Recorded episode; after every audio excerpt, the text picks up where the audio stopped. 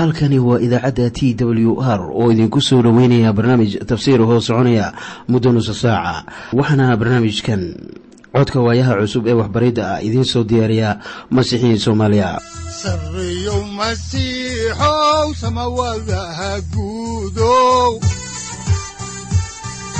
Siraadkii adduunkow subanaha eebow sareyow masiixow samawadaha guudow siraadkii adduunkow subanaha eebow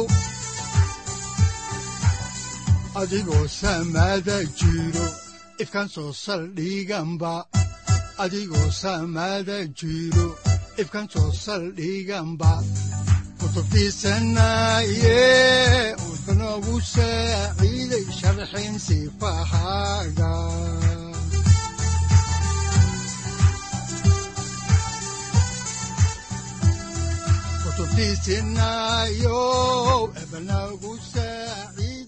waxaannu caawa idiin sii wadi doonnaa daraasaad aynu ku eegayno injiilka sida matayos uu u qoray waxaana daraasaadkaas loogu magac daray baibalka dhammaantii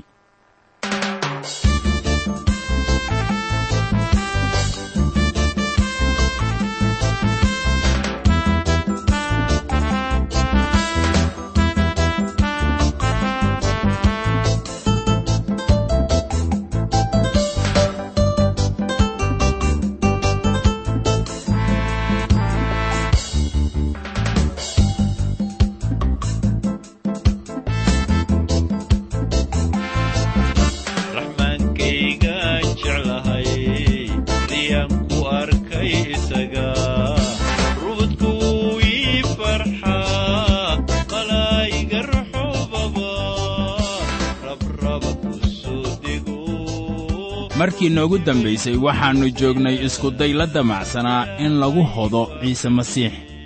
Waxaa la doonayey in laga hor keeno xukuumadda iyadoo lagu eedaynayo inuu yahay nin kacdoon abaabulaya haddaan injiilka wax ka eegno aayadaha shan iyo toban ilaa toddoba iyo toban ee cutubka laba iyo labaatanaad waxaan ka akhrinaynaa sida tan markaasaa farrisiintii ay baxeen oo waxay ka wada hadleen si ay hadalkiisa ugu qabtaan.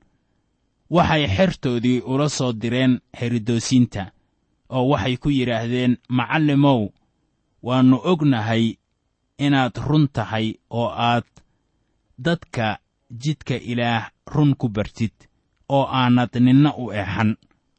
Waayo dadka wejigooda ma eegtid.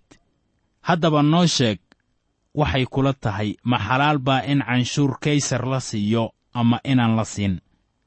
Haddii uu odhan lahaa haa waa inaad canshuur siisaan kaysar. Ma ahaadeen masiixa dhabta ah. Waxay markaasi la ahayd inay qoorsagaaro ku hayaan sayidkeenna.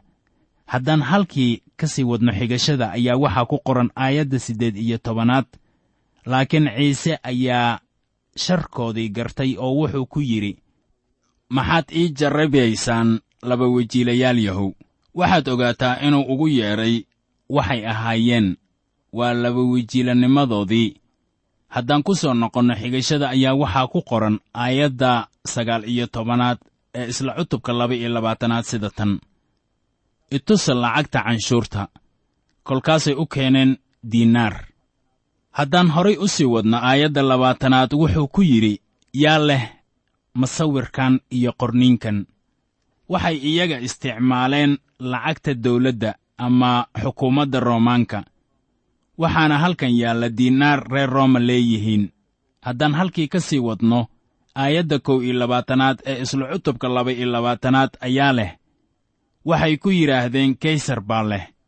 Markaasuu ku yidhi haddaba kaysar siiya wixii kaysar leeyahay ilaahna siiya wixii ilaah uu leeyahay. Tanuna waa jawaab la yaab leh waayo waxaa la siiyey jawaab ka badan su'aashoodii. Hubaashiina wuxuu siiyey jawaabtii ay lahaayeen. Haddaan halkii ka sii wadno xigashada ayaa waxaa ku qoran aayadda xigta ee laba iyo labaatanaad sida tan. Oo goortay taas maqleen way yaabeen wayna iska daayeen oo ay ka tageen sababtaas aawadeed aynu u leexanno maaddada ah ciise oo u jawaabaya sadokiinta haddaan dib ugu noqonno kitaabka ayaa waxaa ku qoran injiilka sida matayos uu u qoray cutubka laba iyo labaatanaad aayadaha saddex iyo labaatan ilaa siddeed iyo labaatan sida tan. Maalintaas waxaa u yimid sodokiin kuwii odhan jiray sarakicidda kuwii dhintay ma jirto oo waxay weyddiiyeen oo ay ku yidhaahdeen macallimow muuse wuxuu yidhi haddii nin dhinto isagoo aan carruur lahayn walaalkiis waa inuu naagtiisa dumaalo oo uu carruur walaalkiis u dhalo. Waxaana la jiray toddoba walaalo ah. Kii ugu horreeyey ayaa guursaday wuuna dhintay. Dhalna ma lahayn. Wuxuuna naagtiisii uga tegay walaalkiis. Sidaas oo kalaa ku dhacday kii labaad iyo kii saddexaad ilaa kii toddobaad markay wada dhinteen dabadeed naagtiina waa dhimatay. Haddaba wakhtiga sarakicidda kuwii dhintay toddobadoodii keebay naagtiisii ahaan doontaa waayo kulligood way wada guursadeen iyada. Haddaba sudukiinta ma ayaan rumaysnayn sarakicidda markaana xikaayad yaab leh ayay isticmaaleen si ay dabin ugu dhigaan sayidka. Haddaba ka fakar naag guursatay toddoba walaalo ah. Haddaba sadokiintu laba meel bay ka qaldanaayeen sayidka ayaana hoga tusaalaynaya balse aynu eegno injiilka sida matayos uu u qoray. Cutubka laba iyo labaatanaad aayadda sagaal iyo labaatanaad waxaana qoran sida tan. Laakiin ciise ayaa u jawaabay oo ku yidhi waad qaldan tihiin oo garan maysaan qorninka iyo xoogga ilaah. Sadokiintu waxay jaahil ka ahaayeen laba arrimood qorniinka jaahil bay ka ahaayeen. Waxay kaloo jaahil ka ahaayeen awoodda ilaah. Jaahilnimada qorriinka iyo jaahilnimada awoodda ilaah ayaa ka yeeshay inay la yimaadaan xikaayaddan qaabka daran. Fasiraaddu waa sahlan tahay balse aynu eegno aayadda soddonaad oo leh waayo wakhtiga sarakicidda kuwii dhintay dabadeed layskuma guursado guurna layskuma siiyo laakiin waxay yihiin sida malaa'igaha ilaah oo jannada ku jira. Iminkana ku soo dhowaada qadar myuusig ah. Sayidku wuxuu u sheegay sadokiinta inaanay garanaynin qorninka iyo xoogga ilaah isagoo sii wata faalladiisa ayuu yidhi sida ku qoran. Injiilka sida matayos uu u qoray cutubka laba iyo labaatanaad aayadda soddonaad. Waayo wakhtiga sarakicidda kuwii dhintay dabadeed layskuma guursado guurna layskuma siiyo laakiin waxay yihiin sida malaa'igaha ilaah oo jannada ku jira. Markaana ciise odhan maayo kuwaasu waxay noqonayaan ama yihiin malaa'igo innaguna ma nihin malaa'igo jannada ku jira laakiin waxaynu nahay sida malaa'igo aan guursanaynin. Marka dhinaca kale laga eego ma jirayso in faraca ama waraso ay jiri doonto iyadoo dhalashada jidhka ay soconayso.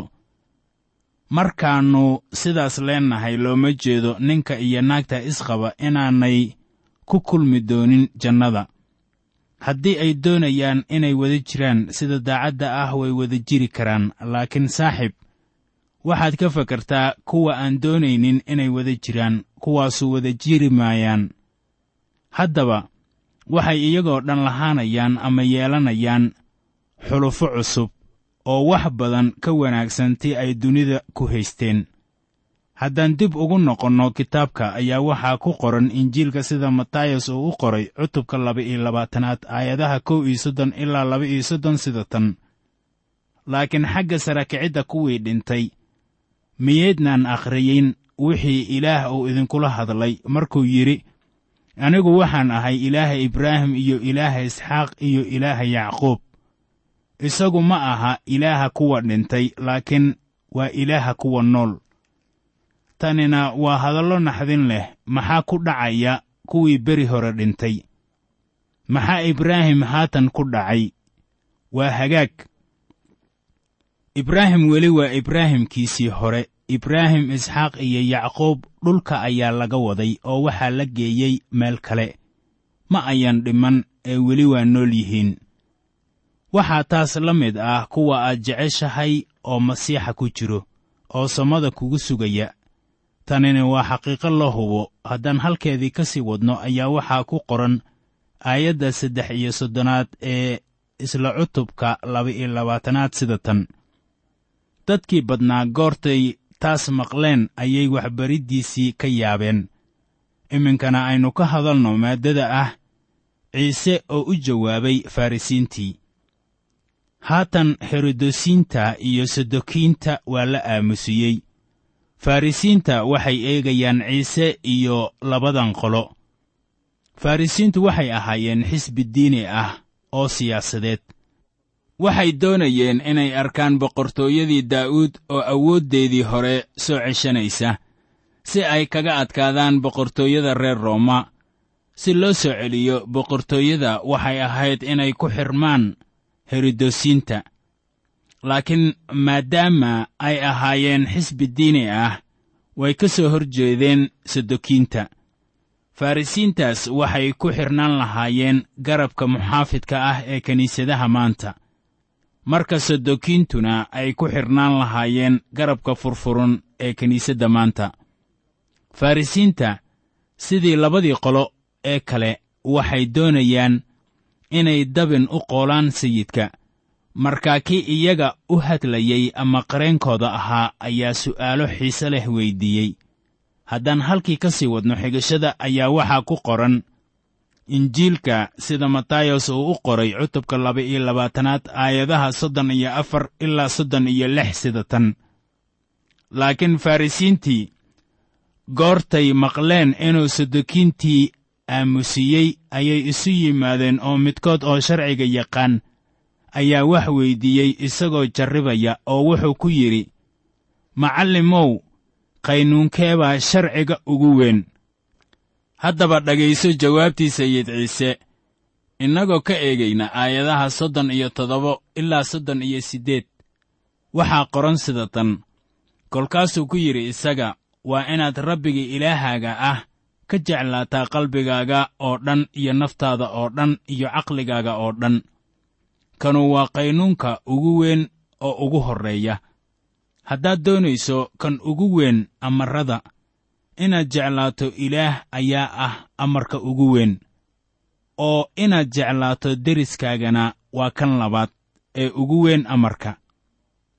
Haddaan halkii ka sii wadno xigashada ayaa waxaa ku qoran injiilka sida matayos uu u qoray cutubka laba-iyo labaatanaad aayadda afartanaad oo leh sharcigii oo dhan iyo nebiyadiiba waxay suran yihiin labadan qaynuun. Iminka aynu ka hadalno maaddada ah ciise oo su'aal soo hordhigay farrisiinta farrisiinta mar kaley isku dayeen inay jidgooyo ku sameeyaan si ay isugu dayaan inay dabin u qoolaan isaga.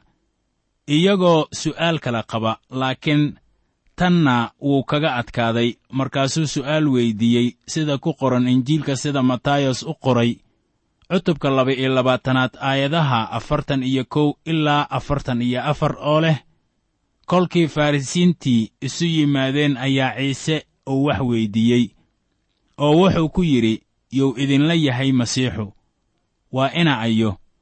Kolkaasay ku yidhaahdeen waa ina daa'uud. Wuxuu ku yidhi haddaba daa'uud sidee buu ruuxa ugaga yeedhay rabbi? Isagoo leh rabbigu wuxuu sayidkayga ku yidhi midigtayda fadhiiso ilaa aan cadaawayaashaada cagahaaga hoostooda geliyo. Sayid ciise wuxuu soo xiganayaa zabuurka boqol iyo toban. Haddaan halkaasi ka sii wadno ayaa waxaa ku qoran injiilka sida matayos uu u qoray cutubka laba-iyo labaatanaad aayadda afartan iyo shanaad sida tan leh. Haddaba daa'uud hadduu ugu yeedhay isaga sayid sidee buu wiilkiisa u yahay iminkana ku soo dhowaada qadar yar oo myuusig ah. Jawaabta macquulka ah ee su'aashan waxa weeye dhalashada bikraddii maryama ciise waa wiilkii daa'uud laakiin wuu ka duwan yahay daa'uud. Wiilkii daa'uud kama weynaan karo daa'uud ilaa ay jiraan shay weyn oo lagu sheegay faraca si inanka uu ku noqdo mid weyn qisada dhalashada mucjisada ah ee ciise ayaa keenaysa jawaab cudurdaar lagu helo. Sayidkii daa'uud wuxuu soo galay faracii daa'uud sida lagu sheegay injiilka sida luukas uu u qoray oo leh sida ku qoran cutubka koowaad aayadda soddon iyo shanaad. Malaa'igtii waa u jawaabtay oo ay ku tidhi ruuxa quduuska ah ayaa kugu soo degi doona oo xooggii kan ugu sarreeya ayaa hoosiis kuu noqon doona. Sidaa darteed kan quduuska ah oo kaa dhalan doona waxaa loogu yeedhi doonaa wiilka ilaah. Haddaba wuu ka weyn yahay daa'uud waayo waa sayidka ka yimid jannada. Sayid ciise wuxuu ku dirqinayaa farrisiinta inay eegaan xaqaa'iqa oo ay u arkaan isaga ah ciise inuu yahay wiilkii daa'uud iyo weliba sayidkii daa'uud. Waxaana tanu ay soo gunaanaday xurguftii ka dhexaysay madaxdii diinta. Aynu eegno injiilka sida matayos uu u qoray cutubka laba-iyo labaatanaad aayadda afartan iyo lixaad. Waxaana qoran sida tan ninna hadal uguma jawaabi karin oo maalintaas dabadeed ninna kuma dhicin inuu mar dambe wax weyddiiyo iminkana waxaannu soo gaarnay cutubka saddex iyo labaatanaad. Maadaama aynu soo gaarnay cutubkan saddex iyo labaatanaad ayaa mawduuciisa uu u kala baxayaa sida tan. Kow ciise oo dadkii badnaa kaga digaya culimmada iyo farrisiinta labo ciise oo ogaysiinaya dadka dhibaato ku soo socota culimmada iyo farrisiinta saddex iyo ciise oo u barooranaya magaalada yeruusaalem cutubkan wuxuu soo koobayaa ama gunaanadayaa iskudhicii ciise iyo madaxdii diinta. Wuxuu dadkii badnaa kaga digay iyaga. Dabeetana wuxuu madaxdii diinta u dhaleeceeyey si aan leexleexad lahayn. Ma jirin hadal ka qaraaraa kii uu sayidkeenna kula hadlay farrisiinta waxaanay taasu u ahayd eedeen aan arxan lahayn. Haddii aad cutubkan u akhriso si taxadir leh waxay yaxyax ku noqonaysaa nafsaddaada iminkana aynu ka hadalno maaddada ah ciise wuxuu u digay culimmada iyo farrisiinta daleecayntii ciise ee farrisiinta waxay ka dhacday macbudka oo ahayd meesha ay ku badnaayeen cadowgiisa. Haddaan eegno injiilka sida matayos uu u qoray cutubka saddex iyo labaatanaad aayadaha kow iyo labo ayaa waxaa qoran sida tan. Dabadeed ciise ayaa dadkii badnaa iyo xertiisii la hadlay oo wuxuu ku yidhi culimmada iyo farrisiinta waxay ku fadhiistaan kursiga muuse. Madaxdiimeedyadaas waxay haysteen ama lahaayeen awood oo waxay maamuli jireen qorniinka axdigii hore. Waxay qaadan jireen waxayan lahayn. Waxaanay mar waliba fadhiisan jireen booska ay madaxda kiniisadda maanta ay fadhiistaan dadkuna waxay ka dhowri jireen inay runta ka waraystaan ama ay u fasiraan. Haddaan halkii ka sii wadno xigashada kitaabka ayaa waxaa ku qoran injiilka sida matayos uu u qoray aayadda saddexaad ee cutubka saddex iyo labaatanaad sida tan. Haddaba wax walba oo ay idiin sheegaan inaad dhowrtaan dhowra oo yeela laakiin siday sameeyaan ha samaynina waayo wax bay yidhaahdaan mana sameeyaan. Waxa taas ay ka micno tahay sameeya waxa qorniinku uu idin barayo laakiin ha raacina shaqada culimmada iyo farrisiinta waayo iyagu ma raacaan hadallada ilaah. Dhegayso faallada qoomamada leh ee uu ka bixiyey madaxdii diinta. Isagoo leh sida ku qoran cutubka saddex iyo labaatanaad aayadaha afar ilaa toddoba oo leh waxay isku xidhxidhaan culaabo culculus oo waxay saaraan dadka garbihiisa. Laakiin iyaga dooni maayaan inay fartooda ku dhaqaajiyaan. Laakiin shuqulkooda oo dhan waxay u sameeyaan in dadku uu arko. Waayo xersiyadooda way balballaariyaan oo faraqa dharkoodana way weyneeyaan. Waxay jecel yihiin meelaha hore oo diyaafadaha iyo kursiyada hore oo sunnagoogyada iyo salaanta suuqa iyo in dadku ay ugu yeedhaan macallin haddaan halkii ka sii wadno kitaabka axdiga cusub ayaa waxaa ku qoran injiilka sida matayos uu u qoray aayadda siddeedaad ee isla cutubka saddex iyo labaatanaad laakiin yaan laydinku yeedhin macallin. Waayo mid baa macallinkiinna ah idinkuna kulli walaala baa tihiin. Sayidku wuxuu leeyahay yaan macallimmo laydinku yeedhin kiniisadda marka dhan laga eego waxaa jegadaas oo kale leh wadaadka. Laakiin weliba kama duwana dadka kale. Isagu waa mid ka mid ah walaalihiin. Haddaan halkii ka sii wadno ayaa waxaa ku qoran aayadaha sagaal ilaa toban ee cutubka saddex iyo labaatanaad sida tan. Ninna dhulka ha ugu yeedhina aabbe waayo mid baa aabbihiin ah. Kaasu waa kan jannada ku jira. Yaan laydinku yeedhin sayido waayo mid baa sayidkiinna ah kaasu waa masiixa. Aabbo waa mid nolol bixiya. Marka aad nin ugu yeerto aabbe ruux ahaan waxaad la mid dhigaysaa ilaah oo ah kan dadka ruuxa nolosha siiya.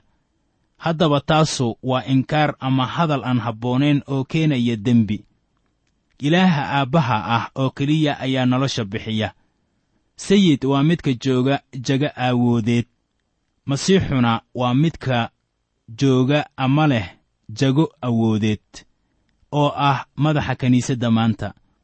Haddaan halkii ka sii wadno ayaa waxaa ku qoran injiilka sida matayos uu u qoray cutubka saddex iyo labaatanaad aayadaha kow iyo toban ilaa laba iyo toban oo leh laakiin kan idinku weyn waa inuu ahaado mididiinkiinna oo ku alla kii isa sarraysiiya waa la hoosaysiin doonaa. Oo ku alla kii is hoosaysiiyana waa la sarraysiin doonaa. Waxaannu halkan ku arkaynaa ciisihii qaboobaa oo isticmaalaya hadalka ugu qaraar ee ku qoran qowlka ilaah. Ma jiro nebi ka mid ah nebiyadii axdigii hore oo dembiga u daleeceeyey si la mid ah sida sayid ciise uu u daleeceeyey. Iminkana aynu ka hadalno maaddada ku saabsan balaayada ku soo socota culimmada iyo farrisiinta ciise haatan wuxuu soo qaadanayaa eedaymo kala duduwan oo ka hor jeeda ama lagu eedaynayo madaxdii diinta. Haddaan xigashada qorninka wax idinka sheegno matayos siduu u qoray cutubka saddex iyo labaatanaad aayadda saddex iyo tobanaad waxaa qoran sida tan laakiin waa idin hoog culimmo iyo farrisiin yahay oo laba wajiilayaasha ahu waayo boqortooyada jannada ayaa dadka ka xidhaan maxaa yeelay idinkuma gashaan oo kuwa gelayana uma daysaan inay galaan. Sayidku wuxuu isticmaalay erayga ah hoog siddeed jeer marka uu ku jiro qaybtan oo wuxuu farrisiinta iyo culimmada ugu yeedhay laba wajiilayaal ilaa iyo toddoba jeer. Wuxuu ku eedeeyey inay isku gudbeen waddadii loo mari lahaa jannada iyagoo iska dhigaya madax beenaad. Haddaan halkii ka sii wadno kitaabka ayaa waxaa ku qoran injiilka sida matayos uu u qoray aayadda afar iyo tobanaad ee cutubka saddex iyo labaatanaad sida tan. Waa idin hoog culimmo iyo farrisiin yahay laba wajiilayaasha ahu waayo waxaad laasataan guryaha carmalada oo tukashooyin dhaadheer ayaad istustus u tukataan. Sidaa darteed waxaad heli doontaan xisaab aad u daran. Mararka qaarna nimankanu waxay samayn jireen tukashooyin dhaadheer laakiin waa ku xumaayeen oo xagga qalbiga way ka marnaayeen marka ay wax qabanayaan. Haddaan halkii ka sii wadno ayaa haatanna aan eegaynaa aayadda shan iyo tobanaad. Waa idin hoog culimmo iyo farrisiin yahay laba wajiilayaasha ahu waayo badda iyo dhulka waxaad u wareegtaan inaad mid soo hadaysaan oo kolkuu sidaas noqdo waxaad ka dhigtaan wiilka jahannamada laba kol in idinka badan idinka. Waryaahe way ku wanaagsanaayeen inay wacdiyaan laakiin ninna uma ayaan keenaynin ilaah. Ma jirin mid ka mid ah kuwii ay wacdiyayeen oo noqonaya mid mar labaad dhashay. Weli waxaynu ku guda jirnaa xigashada kitaabka axdiga cusub waxaanan eegaynaa cutubka saddex iyo labaatanaad ee matayos aayadda lix iyo tobanaad oo leh waa idin hoog hoggaamiyeyaal yahow indhaha la'ow oo leh ku alla kii macbudka ku dhaarta. Waxba ma aha laakiin ku alla kii dahabka macbudka ku dhaarta. Wuxuu ku dhaartay waa lagu leeyahay. Ninka caynkaas ah qaan baa lagu leeyahay waa kan dahabka macbudka ku dhaarta ah oo dhaartaasuna waa dhaqangal baa la leeyahay. Haddaan halkii ka sii wadno ayaa waxaa ku qoran aayadaha toddoba iyo toban ilaa siddeed iyo toban sida tan. Doqon yahow indhaha la'u keebaa weyn dahabka iyo macbudka. Dahabka quduus ka dhiga oo weliba waxaad leedahay ku alla kii meesha allabariga ku dhaarta waxba ma aha laakiin ku alla kii ku dhaarta hadiyadda dul saaran wuxuu ku dhaartay waa lagu leeyahay. Waxaa taas loola jeedaa in ninkaasu uu ku eedaysnaan doono. Haddii sharciga uu galay aannu u oofin sidii uu u galay ama dhaartiisu ay ahayd. Weli waxaynu bartamaha kaga jirnaa xigashada kitaabka. Waxaannu eegaynaa injiilka sida matayos uu u qoray cutubka saddex iyo labaatanaad aayadaha sagaal iyo toban ilaa laba iyo labaatan oo leh indhoolayaal yahow haddaba keebaa weyn hadiyadda iyo meesha allabariga oo hadiyadda quduus ka dhigta. Haddaba kan meesha allabariga ku dhaartaa wuxuu ku dhaartaa iyada iyo wixii dul saaran oo dhanba. Oo kii macbudka ku dhaartaa wuxuu ku dhaartaa isaga iyo kan dhex degganba oo kii jannada ku dhaartaana wuxuu ku dhaartaa carshiga ilaah iyo kan ku dul fadhiyaba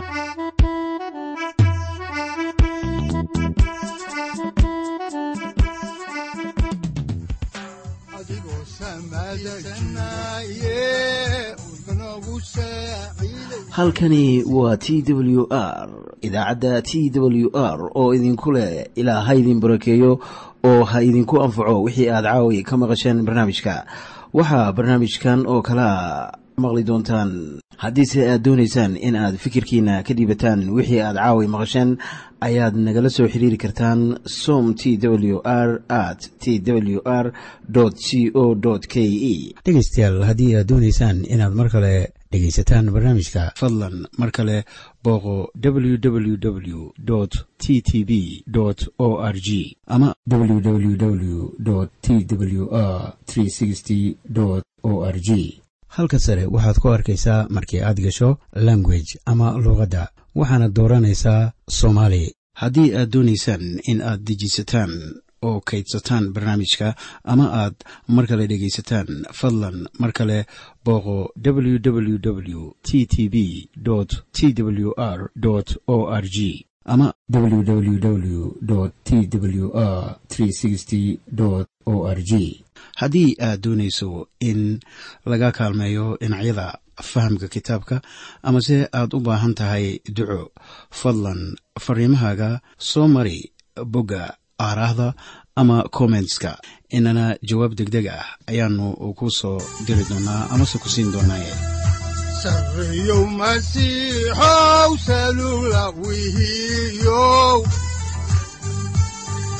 saacadda timid dhulka sabada ku dhalatiyo.